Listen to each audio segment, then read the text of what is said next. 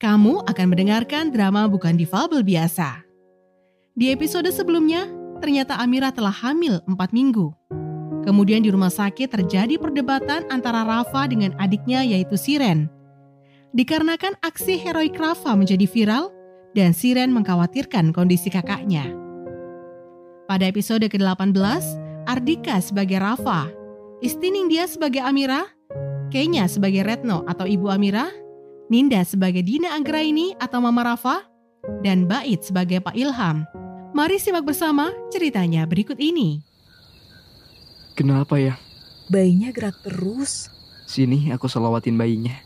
Mas, mas, perutku kok mules ya? Mules gimana? Mau berak? Gak tahu nih. Coba aku ke WC dulu. Duh, mas, apa ini air ketuban ya? Banyak banget keluar? Bukannya usia kehamilan kamu baru 33 minggu? Au! Ah, aku nggak tahu nih mas. Kontraksinya makin kuat. Au! Aduh! Amirah lalu bersandar ke tubuh suaminya yang saat itu tepat berada di sisinya, sedang memeriksa cairan yang mengalir di sela-sela paha Amirah. Rafa menggunakan penciumannya untuk mengenali bau cairan itu. Ini bukan bau air kencing tapi bau lain. Tidak salah lagi, ini air ketuban. Sayang, kamu duduk dulu ya. Aku telepon mama. Telepon ibu aku juga, Mas. Halo, Assalamualaikum. Waalaikumsalam. Ada apa Rafa? Telepon malam-malam? Amira, mah. Sepertinya Amira mau melahirkan. Apa? Aduh, kan baru 8 bulan. Ayo, Mama segera ke sana. Bu, Amira sepertinya mau melahirkan. Tiba-tiba, Amira berteriak kesakitan. Ah, apa? Aduh, aduh. Rafa langsung menutup sambungan telepon karena panik mendengar Amira kesakitan. Amira, bagaimana kalau aku yang menyetir? Apa? Kamu nggak bisa lihat jalan? Bagaimana mungkin? Enggak, enggak, enggak. Aduh, oh. Apa kamu masih bisa menahan bayinya? Aduh, Mas. Ya nggak mungkin. Udah mules. Jarak rumah sakit dari sini tidaklah jauh. Kamu akan menjadi mataku. Amira menatap suaminya sambil menahan sakit. Dia pun bingung. Namun, sepertinya dia tidak punya pilihan lain yang lebih cepat. Rafa berusaha menajamkan semua indranya. Itu adalah hal tersulit yang harus dia coba dalam kondisi panik dan gugup, mengingat ada dua nyawa yang harus dia selamatkan. Mana handphonenya, Mas? Sini aku kabarin ibu lagi. Jangan lupa bawa tas isi perlengkapan. Au! Aduh! Ah! Ibu, Amira ke rumah sakit kasih bunda. Diantar siapa? Mas Rafa. Ini kami sudah siap-siap berangkat. Ah! Apa? Tunggu! Tunggu ibu sebentar lagi sampai. Tiba-tiba, telepon berdering lagi dan diangkat oleh Amira. Rafa? Ini Amira, Ma. Kami mau berangkat ke rumah sakit. Diantar siapa? Mas Rafa. Oh, aduh. Enggak, enggak. Kasih teleponnya ke Rafa. Mas, Mama mau bicara. Duh. Au. Rafa langsung mematikan ah. telepon dan tidak peduli lagi hal lain. Kita coba mundur ya, sayang. Mas, pagarnya belum dibuka. Astagfirullah, lupa. Rafa segera turun berjalan menuju belakang mobil dengan meraba-raba mobil lalu berjalan lurus ke belakang menuju pagar tanpa tongkatnya.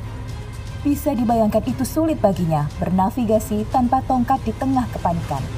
Kemudian dia pun kembali ke dalam mobil dan mencoba memundurkannya. Aduh, uh, mundur perlahan mas, setir ke kiri sekarang. Terus, stop, ganti gigi, Maju ke depan. Ah. Mas Rafa? Mbak Amira? Hei, mau ke mana kok sampai nabrak pagar? Loh, kok Mas Rafa yang nyetir? Sini saya antar. Rafa tidak mendengarkan teriakan Pak Ilham tetangganya. Dia sudah mengemudikan mobilnya dan melaju. Lurus saja mas, jalanan kosong. Mungkin karena jam 2 malam. Rafa tampak sangat fokus. Namun raut wajahnya pucat. Bajunya basah oleh keringat dingin. Mengemudikan mobil tanpa melihat merupakan pengalaman pertamanya. Suatu kenekatan yang tidak pernah terbayangkan olehnya. Satu sisi, dia harus konsentrasi memfokuskan seluruh indranya yang masih berfungsi.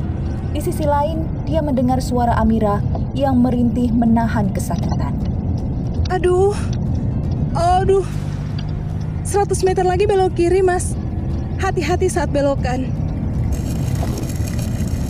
150 meter lagi sampai depan rumah sakit.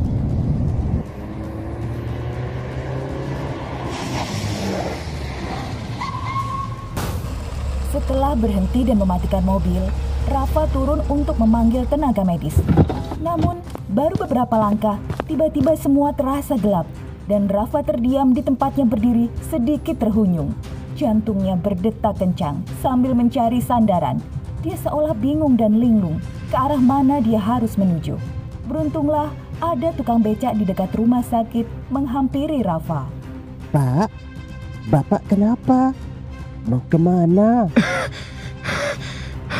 Tolong, istri saya mau melahirkan. Oh, saya saja yang panggilkan perawat. Bapak diam di sini ya. Tak lama berselang, petugas IGD segera membawa Amira ke ruang persalinan diikuti oleh Rafa. Namun, tiba-tiba Rafa pingsan. Petugas IGD lainnya menghampiri Rafa yang tergeletak di dekat pintu rumah sakit. Dari kejauhan, tampak berlari Mama Rafa dan Sharon yang baru tiba. Itu Kak Rafa mah, pingsan. Tak berapa lama, Bu Retno pun tiba dan segera mendatangi ruang persalinan Amira. Sedangkan Mama Rafa dan Siren masih melihat kondisi Rafa. Di IGD, denyut jantung Rafa sempat melemah, hampir berhenti. Dan tenaga medis sempat terlihat panik menanganinya. Ada apa dengan Rafa? Apakah dia terkena serangan panik?